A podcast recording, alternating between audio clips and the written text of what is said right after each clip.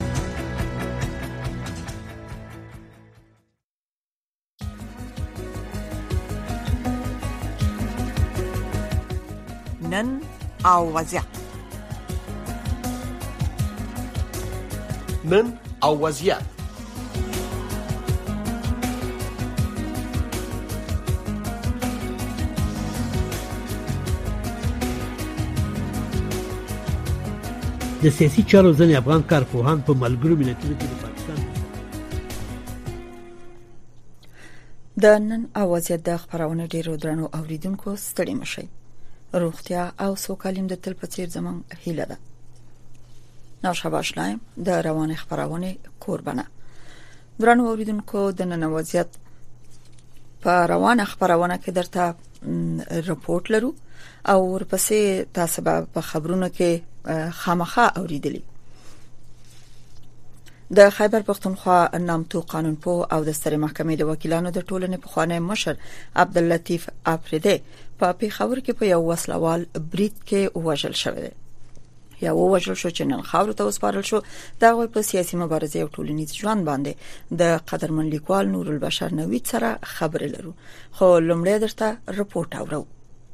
د سیاسي چارو ځینې افغان کارپوهان په ملګرو ملتونو کې د پاکستان د سفیر منیر اکرم د خبرداري په اړه چې که په افغانستان کې اقتصادي وضعیت ښه نشي د طالبانو ځینې غړي به د داعش خراسان ډلې سره یو ځای شي وایي چې پاکستان د اوږدې مودې راهیسې د یو شمېر تروریستي ډلو سره د اړیکو د ساتلو تجربه لري دا کارپوهان دا ګڼي چې ښاغلي اکرم دا څرګندونې د دې لپاره کړي چې پاکستان د تروریزم د یو قرباني په توګه معرفي کړي او د نړیوال ټولنې څخه مرستې ترلاسه کړي. په ملګرو ملتونو کې د پاکستان استازي منیر اکرم د نیوز ویک مجلې سره په مرکه کې د ډیورند د کرښې په اوږدو کې د وسلوالو بریدونو او فعالیتونو په اړه اندېښنه ښودلې او ویلي دي چې کله ناکله پاکستاني طالبان د بلوچستان د ازادۍ غورځنګ او نورې ټولې وسلوالې ډلې د پاکستان د ګټو په خلاف یو ځای فعالیت کوي. منیر اکرم وویل، حکومت یې دغو ډلو په ضد اقداماتو ته ژمن دی او په تېر وخت کې یې هم د دوی په خلاف اقدامات کړي، خو هغه خبرداری ورکړ چې اوس لویه ننګونه د طالبانو د حکومت هڅول دي چې دغو ډلو په خلاف اقدامات یې په ګټه دي. د پاکستان سفیر دا هم وویل چې که طالبان کافي پیسې ونه لري، کېدای شي ځینې وسله وال به ترې داعش ته لاړ شي. هغه وویل چې په افغانستان کې وضعیت د اندېښنې وړ دی. په تهران کې د افغانستان پخوانی دیپلومات، سید نورالله راغي په دې نظر دی چې په ملګرو ملتونو کې د پاکستان د استازي څرګندونې افغانستان کې د طالبان حکومت لپاره یو ډول خبرداری دی چې کیدای شي د داعش ډله پیاوړې شي او خپل سپونو ته وسلوال جنګ کړي چې دا ممکن د طالبانو په وړاندې جدي ګواښونه راولاړ کړي از طرف دیگه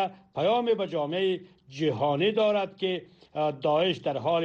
گسترش است در حال تقویت هست و از این طریق پاکستان چند هدف دنبال میکنه یک ای که میخواهد به اولویت سیاست خارجی ایالات متحده امریکا مانند دهه 1980 به عنوان یک همکار قابل اعتماد و یک شریک استراتژیک باز بگرده و همچنان کمک های سخاوتمندانه غرب دریافت بکنه همداشان د سیاسي چارو دا کارپو وایي چې پاکستاني چارواکي د تروریستي ډلو خطر په لویه بڼه ښودلو سره د یوې خوا غواړي خپل هیواد د تروریزم قرباني وښيي ترڅو د نړیوال ټولنې څخه مرستې ترلاسه کړي او د بلې خوا په پاکستان باندې چې د تروریزم د ملاتړ په برخه کې د نړیوالو ادارو لخوا کوم تورونه لګېدلي هغه تورونه هم له ځان څخه پاک کړي په جرمني کې د باختر انسټیټوت غړی او د نړیوالو اړیکو کارپوه رضا قاسمي هم وایي چې د اتیاومې لسیزې په سر کې پر افغانستان باندې د پخواني شوروي اتحاد د یرغل په کلونو کې پاکستان ته زیاتې سخت دریځه ډلې ور ماتې شوې وې چې د ښاغلي قاسمي د ادعا پر اساس د داعش وسله وال هم لومړی له پاکستان څخه افغانستان ته تللي وو چې د افغانستان په ختیځو ولایتونو کې ځای په ځای شوي وو د نړیوالو اړیکو دغه استاد وایي اوس هم افغانستان ته سخت دریځې وسله والې ډلې د پاکستان له لارې داخلیږي. د ده په نظر پاکستان د داعش لپاره لومړیتوب نه دی او دا ډله په سیمه کې نور ستر اهداف په نښه کوي. ښاغلی قاسمي وایي چې ځینې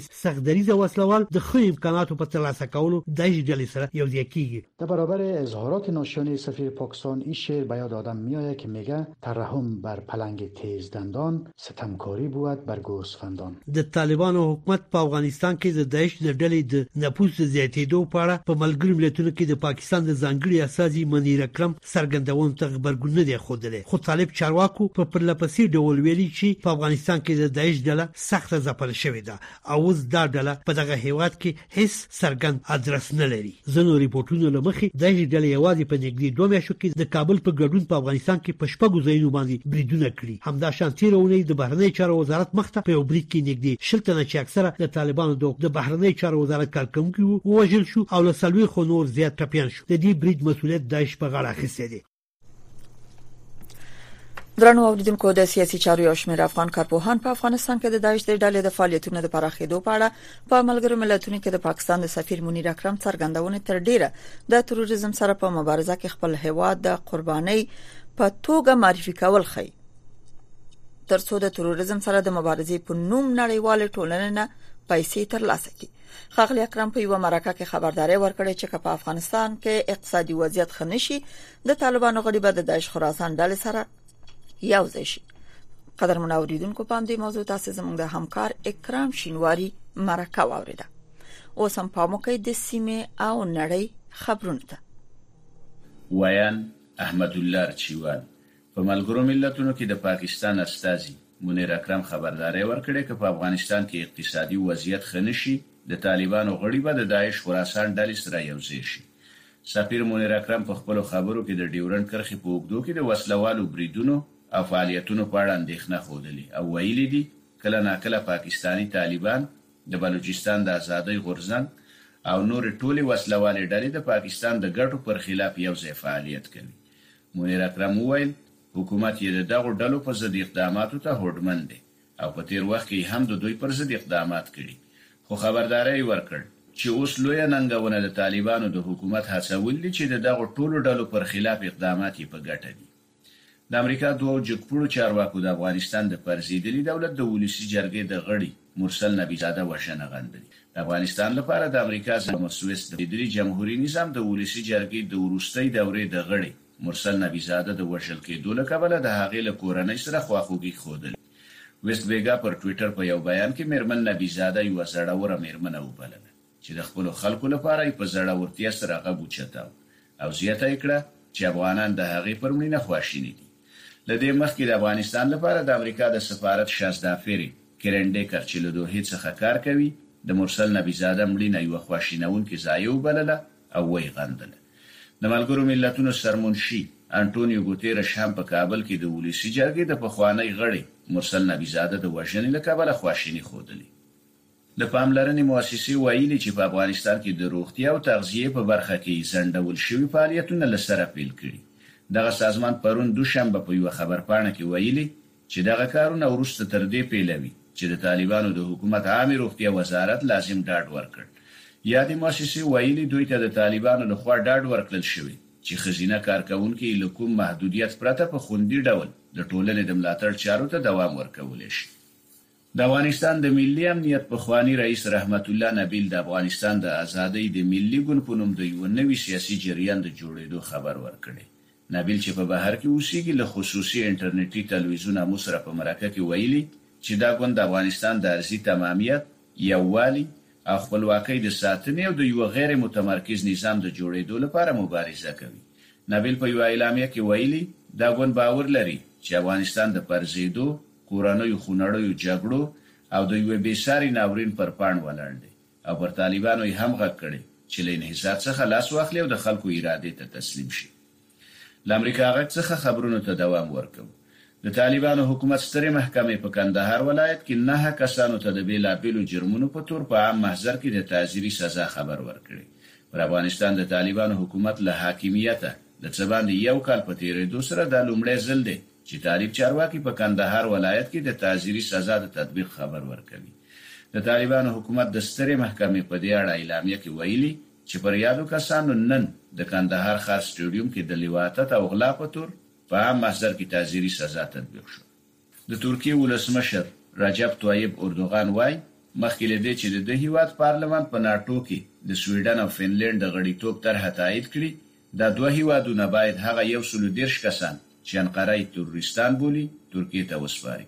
سویډن او فنلنډ تېر کال په ناټو کې د عضویت غوښتنه وکړه، خو د دوی غوښتنه باید د ناټو واړه دېرش غړي تایید کړي. د ناټو دوو غړو، ترکیې او هنګري تر اوسه دا غوښتنه نه ده تایید کړې. بریتانیې ویلي چې د ایران له کمزوري او منزوي شوي حکومت سره به د علي رضا اکبري د اعدام په خاطر حساب کتاب وشي. په دې اړه زما همکار راپور راکوي. لندن د اکبري اعدام یو بیرحمانه او بوګنونکی عمل بللی دی. د بریتانیا د بهرنیو چارو وزیر جیمز کلیورلی پرون د ایران واکمنو ته په خطاب کې وویل، نړیوال تاسو ته ګوري او له تاسو سره به د ایران زړور خلک چې هغوی ځپئ حساب کتاب وکړي. د ایران د دفاع پخواني مرستیال وزیر یو شپېته کلن اکبري چې د ایران او بریتانیا دوه ګونی تابعیت یې درلود لندن ته د جاسوسۍ په تور اعدام شو. غورځنګ د امریکا غږ واشنګټن. د اوکراین په مرکزي ښار دنیپرو کې د روسیې د میزایل برید د قربانیانو شمېر نږدې څلوېښتو کسانو ته پورته شوی. چارواکو ویلي، چې د دغې پېښې په وژل شویو کسانو کې درې کوچنیان هم شامل دي. د راپورونو له مخې پېښه کې لږ تر لږه پنځه اویا نور کسان ټپیان شوي، چې څلور یې کوچنیان دي. د شنبې ورځې دغه برید پر یوې نهه پوړیزې ودانۍ وشو، چې یوه برخه یې ونړېده.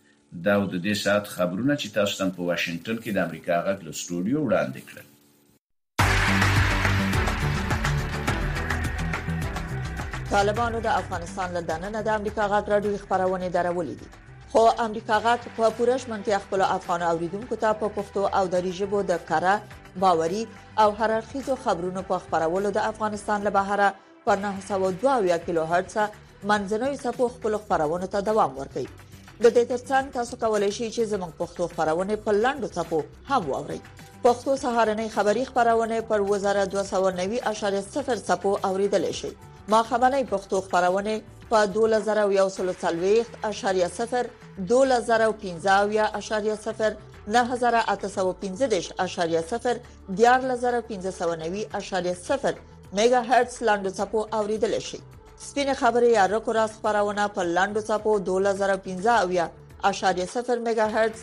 د نن او وضعیت یا روایت امروز خبرونه پر لنډو صفو 2140.0 او ساس غټ یا صداي شما خبرونه پر لنډو صفو 2015.0 نهه زره درې سوه پنځه پنځوس مېګا هرتز اورېدلی شئ.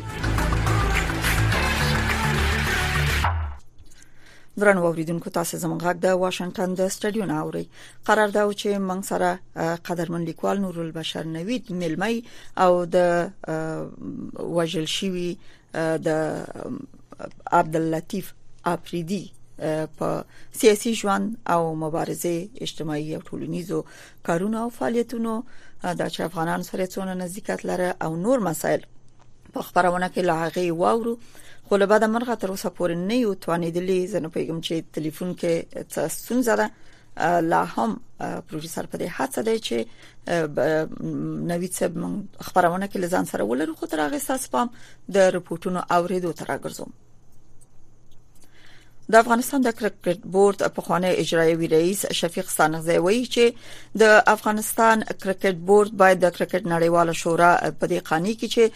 په کرکټ بندیز لګول د جنونو د تعلیم سره مرسته نه کوي په دې اړه نور تفصيل په مرکه کې اوري چې زموږ همکار متی ولا عابد د خاغلی ستانګزي سره کړی اوس په افغانستان کې شرایط په افغانستان کې د نوي نظام راتګ نه پس یو لړ داسې شرایط برابر شوي چې نړیوال وایي چې د افغانستان سره د کرکټ اغاړي کې باید ادامه ونه لري د استرالیا ټیم خپل درې لوبې وځنډولې او نور داسې هم اندېښنې شته چې د افغانستان د کرکټ راتلونکي به د اندېښنو ښکاري تاسو در شرایط څنګه ګورئ څونه اندېښمن یاست او څومره هیله مند یاست یقینا شرایط چیلنجینګ دي او دا په دې معنی نه ده چې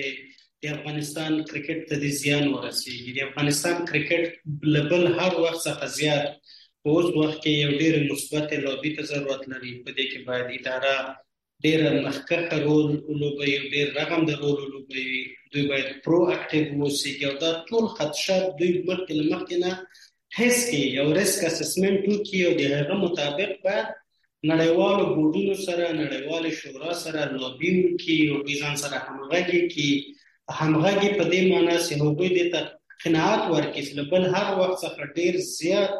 موږ اوس د دوی کومک ته ضرورت لرو یو خو د افغانستان کرکټ اوس په هغه حالت کې نه د الحمدلله مونږ رول ماډلز لرو نړیوال رول ماډلز لرو د نړۍ ټول لیګونه د زمونږ په لوبغاړو باندې ښایسته ښکاري د افغانستان کرکټ اوس په نړۍ کې په د سټارز او د ښه لوبغاړو برکته پنځم مقام تقریبا لري او بل موږ باید نړیوال په دې قانع کو چې موږ په افغانستان کې دننه تقریبا یو شریعه 2 میلیون ځوانان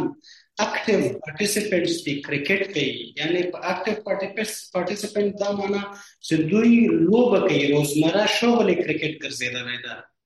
نو تاسو فکر کوئ سنځه صاحب چې د افغانستان د کرکټ بورډ اوسنۍ مشرتابه په دې نه توانېږي چې هغوی قانع کړي که د هغوی دغه دریځ دومره سخت دی چې هغوی پکې نرمښت نه راولي زه دریس خو دې هیڅ هم سخت نه ده استرالیا کرکټ بورډ ته کته وګوري د استرالیا کرکټ بورډ همیشه دغه څه پریکړې کړې که تاسو وګورئ څو کال وړاندې بنگلاديش ته سفر په دې لغوه کړ چې موږ امنیتي ستونزه لرو خو هیڅ امنیتي ستونزه نه وه زه په هغه وخت کې اجرایوي رئیس وم او د هغه موقع څخه ما استفاده وکړه موږ له اسوسییټ ممبر نو هغه ګاپ د بنگلاديش د کرکټ بورډ ما پوره کړ او د افغانستان ملي لوبډله مې ولیدل او هلته موږ درې نړیوالې او ورځنۍ لوبې وکړلې دا هم یو بهانه جوړیزه ورته ویلی سم دواړه خواوې هم نړیواله شورا افغانستان کرکټ بورډ دواړه لخواوې باید سره کینی صادقانه وغږیږي چیلنج مشکل پیدا کوي او د مشکل ته د لارې هم په ګډه پیدا کوي نړۍ نړیوال شورا باید د په دې قانې کې سره زه اوس در سره منم چې ما الف ب ت د مشکلات دي لاره د حل د مان طرف نه دا د پروپوز شوی دا ته کوم پروپوزل لري یو مشترک لار پیدا کی او په هغه باندې ولاړ شي بیا په نړیواله شورا سره د خپل بورډ ته هم قناعت ورکړي دوی چې کوم مدیریه منیجمنټ ته دلته په دوبۍ کې څه ناسه ده بورډ هم خپل راپور وړاندې کړي اوس موږ ګورم عابد صاحب مشکل شی ده افغانستان کرکټ بورډ ته کمیټه جوړه شوې وه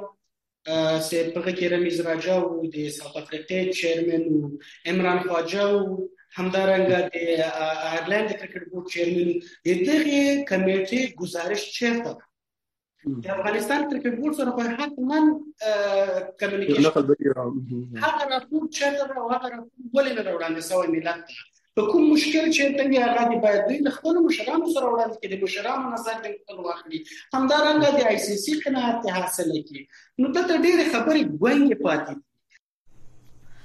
مننه درنو اوریدونکو چې تر دې شیبې ملتیا وکړه د امریکا غږ آشنا رادیو نم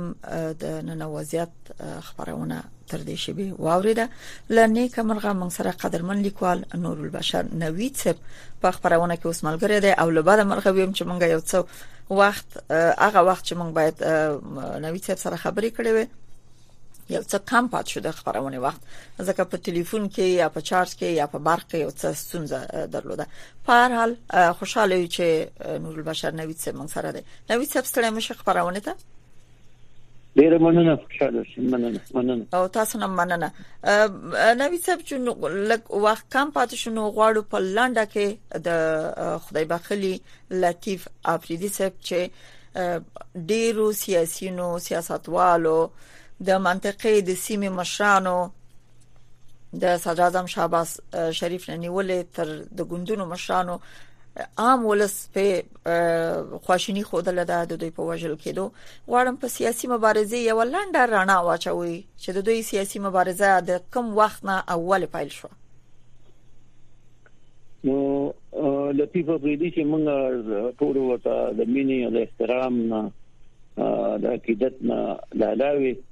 او دا موږ به دا چې وګڼو چې لکه دا هم د قانون لا دا هم د سیاست لا دا هم د شاعرانو او ادیبانو د پښتو ادب لا ځکه چې د سړي که نوې قانوندانان روزلي دي د دې طرف ته زمنګ په مت کې زمنګ شاعرانو دیوانو سره پښتو ادب لرونکو سره ډېر مینه محبت کړې دي پاتې شو د سیاست خبره نو په سیاست کې د هغه خلک روزلي دي کوم خلک چې نن ویډیو لیډران دي او زه به دا وایم چې دا د ټول مترقي سیاست کړي مزاحمتي سیاست کړي او د ځوانانو واده تر دې د مپوري دا سړی دومره په خپل عقیده باندې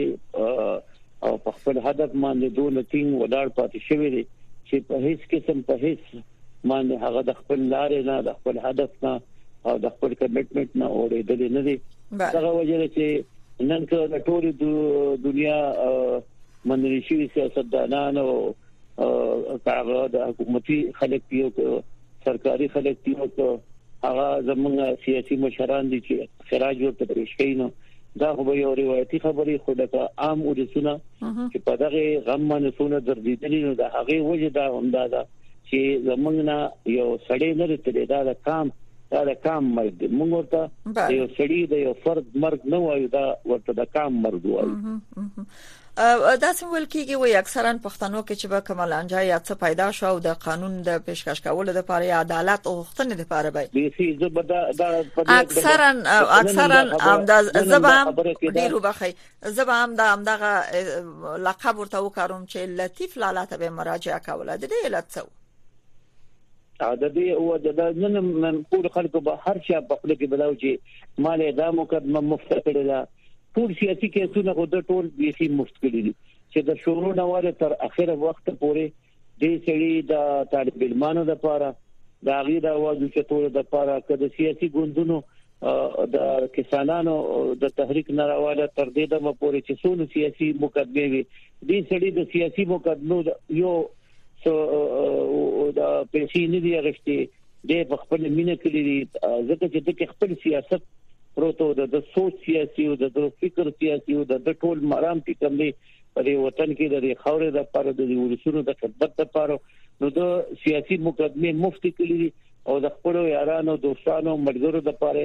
داسې یو کار کړی چې هغه ورته په دغه احترام هم درو چې د خلکو د روغ جوړې د پاره د جرګې مرکه د پاره د پښتنو د یووالي د پاره د قومي وحدت د پاره د لر او بر ولسونو لپاره دې سړي دومره په نر اواز چت کړی دی چې اوس هم چې دا افغان کډوال نه وی راغلي دي هغه کې مستونزې وي نو په دې پښتونخوا کې دا واحد سړی چې هغه به هم دې دې سړي ته ځان رسو او د په خپل هم دې کې دا کوشش کوي چې را زه دې خلکو ته ځان ورسوم چې د هغه ماننن کما سندره هغه باندې کما غم راغلی دی په هغه کې به سر قانوني مرسته کوله بالکل بالکل ام دې تام راځم چې د بالا چې د افغان کې د افغانستان د کوم خلک راغلي دي دې سړي ورسره قانوني تور هم مرسته کړې ذاتی تور هم مرسته کړې او سیاسي تور ورسره هم بله بله بله عبداللطیف اپرده د اوګدې مودې لپاره د پوزي حکومتونو په ضد او عدالتي خپلواکي لپاره ډیره اوږده مبارزه کړې ده د دې په دغه برخه کې خاص لاس راوړنې څه دي نو زمونږ خدا چې مشران چې کوم دینو هغه په جمهوریت باندې یقین لري په مترقي سوچ باندې یقین لري په انقلابي سوچ باندې یقین لري او زمونږ په دې وطن کې بدمرغه جمهوریت چې کوم دی هم ډیر خېل دی او زبر د مرګ په کوم دی نو الکوته ذاتی دښمنی وایي چې ذاتی دښمنی کې ترې زین د دې سړي هو اړو ذاتی دښمنی شته نه په دغه حواله مونږ وایو چې ځکه چې دا قامي او ولسی سړی دی او د دې داسې مرګونو په شابه باندې هغه هغه سازشونه هم شامل دي چې دا چې خلک د منځ وړي کم خلک چې د خپل ولسونو سره د جمهوریت لپاره د یو پاک سیاسي سوچ لپاره ولاړی او هغه دونه وګړه مبارزه کړې ده او دا دغه وګړه مبارزه تر دې وخت پورې راورسوله نو دا چې سړی هغه ته دا چې سړی دا هغه خلاف کوم سازشونه کیږي نو موږ ورته په دغه نظر ګورو چې لکه دا قامي سوچ وجل دي د یو سړي قومي سوچ وجل دا زمونږه سوچونه وجل شوی دي بله د افغانستان په مسایلو کې د دې نزدېکت ډیر یادېږي یا د افغان ماجرو سره خواخوږي ډیره ذکر کیږي چې ګڼ شمیر افغانان په هم خفه دي په دې اکلت سوال غواړي تاسو چې ورسره تر کوم حد چې نږدې وي پاک لای څه نظر لري څه ورو ما په خپل خبرو کې ما په خپل خبرو کې بله تاسو اشاره وکړه اګه هم دا خبره وکړه چې افغانستان په مسله کې دې سړي دومره واضحه پر موقف اخی دي چې زمون لر لر او بر ولسونه یو سوچ یو فکر یو خبره یو مسله یو ستوند لري نو دا دې سړي د شورو نواله تر دې دمه پوري افغانستان په مسله کې افغان کډوالو سره په هر دور کې خپل ذاتی قانوني اخلاقی سیاسي مرستې کړې دي او کولې مور سره او په دغه حواله باندې په افغانانو کې دا سړی دومره په مینه او احترام یاد شوی دی او یادېږي چې نن هم دا هغه په جنازه کې دا هغه په غم کې هغه ډیر افغانان موږ سره په دغه غم کې شریک دي او که هغه راغلي هم نه دي خو موږ دا غنو چې دا زمونږ یو شریک غم دی د لرو بر او د سونو غم دی موږ سره هغه دا غم کې سونه په مینا او سونه په احترام غشتري نو موږ دا وایو چې موږ په دې غم کې یوازې نیو او د دې غم د ټولو نه بهتر علاج چې کوم جواب دا دی چې موږ د لطیف لالا د سوچ چې کوم لري وړاندې بوزو او موږ هغه سوچ مرګ دې تمام غوښتل پښتنه وکم چې څه چې د زمو يم چې لطیف لالا نه په میراث پاتې دي هغه په ټوله کې دغه د لارې یعنی دغه د مفکوري تګلارو ته چي او بل دا د چا چې دا وژلې ده فکر کوي چې سل په سلو د امدې لاس ولې ووجه د ولې په شا باندې هغه ډېر سوالونه دي کوم چې وختي تاسو په خپل پښتنه کې وې چې په دې وطن کې هر هغه سوچ وځي کیږي هر هغه سوچ به وځي موږ دې ته بيخي تیار یو ذهني تور ورته تیار یو په دې مخنیوي په کار چې زمونږ مشران د جرګو مشران زمونږ سیاسي مشرتابه نن ولې په هر ځای کې د ګولې بنکه دي د دهشتګردۍ په نخښه دي تر هر ځل دلته دي او هر هغه مصیبت چې کومې زمونږ مشرانو کې پیښ دي کوم مصیبت چې د افغانستان بر روان کو کوم مصیبت چې وځ په موږ باندې راغلي دي دا هغه خبره چې زموږ مشرانو بچا خان به دا خبره کوله دا د اسلام جنگ نه دی دا د دوه قوتونو جنگ دی او هغه نن ثابت شو نن نه بلکې دا د ډیر وخت ثابت شوی دا د څلورو پنځو لسیزو نه دا ثابت شوی ده چې په دې خاور کم جنگ روان دی هغه زمونږ جنگ نه دی او په هغه پردي جنگ کې زمونږ ډیر د سر خلک د ډیر د سنگر خلک زمونږ د سوچ او د فکر مشرتابه چې کوم د منځ وړل دي شوی دا او وړل کیږي د دې د مخنیوي لپاره پښتون ولس په دې نن سبا پوي دي چې زمونږ دښمن څوک دی او موږ به د ځان څنګه ساتو د هغه خطر لیکه دا ده چې په داسې مرګونو باندې په داسې پیښو باندې خاموش پاتې کېدل چې کوم دی هغه کامي جرم دی او چې څوک دا خاموشي لري څوک چې په داسې مرګونو په داسې پیښو باندې خاموشي کوي هغه به کامي مجرمي بله بله دغه د مارک مسله د یا د وژنې مسله د عبد اللطیف افریدی یو څه د قاتل چې نیول شوی دی ځای په ځای نیول شوی د دغه تر شا کوم د شخصي مسایل وو د دې د وژنې چې داسې په کورټ کې په حمله کیږي یا کس چې نیول شوی دی سل په سلو همدغه کس دی شخصي مسایل دي که سیاسي بله په ښکارا خو په ښکارا خو لکه دا دی چې دا کوم قاتل دی دا خو د دغه دښمنو سلسله کې را روانه سلسله ده چې د یو نه وجې دي شي بل نه وجې دي شي وي او په دې هیڅ یو واقعیت کې لا لا مخ په مخ نیخ په نه غهیس ملوث نه دي او ځکه هو ته عدالت ته بریت ورکو ځکه چې هغه په دې کې شامل نو او چې هر کله قانوني تور هغه ته تحفظ ملو شو نو په بل طریقې باندې هغه په داسې مرګ وجو چې خلک ورته ذاتی دښمنی وایي خو دغه دښمنو په شا باندې څنګه چې ما مخکې وې بله په دې سوچ پکاري چې دغه دښمنو په شا باندې دغه ګولې په شا باندې نور هم داسې عوامل چې وخت په وخت هغه نور نور په تجزیو کې را برتل کیږي وخت به بیا سرګان کې بل زمونږ مشرتابه ولې د منځه وړل کیږي bale bale ځکه وړل کیږي د منځه وړل کیږي چې هغه د یو سوچ خاوندان دی او هغه د سوچ په وجود تور کړی دی چې مننه نه نوې باندې د خپل اختیار خبره کوي bale ډیر مننه لیکوال عبد بشر نوی ډیره مننه تاسو نه چې په خبرونه کې را سره وای البته د عبد اللطیف ابدیدی په اړه کا ساعتونه او پورزو وغږیږي د دې په سیاسي مبارزه او شخصیت او په ټولنیز ژوند نو بیا به هم کمای تاسو نه ډیره مننه کورم ودان خبرونه هم دومره و کورم ودان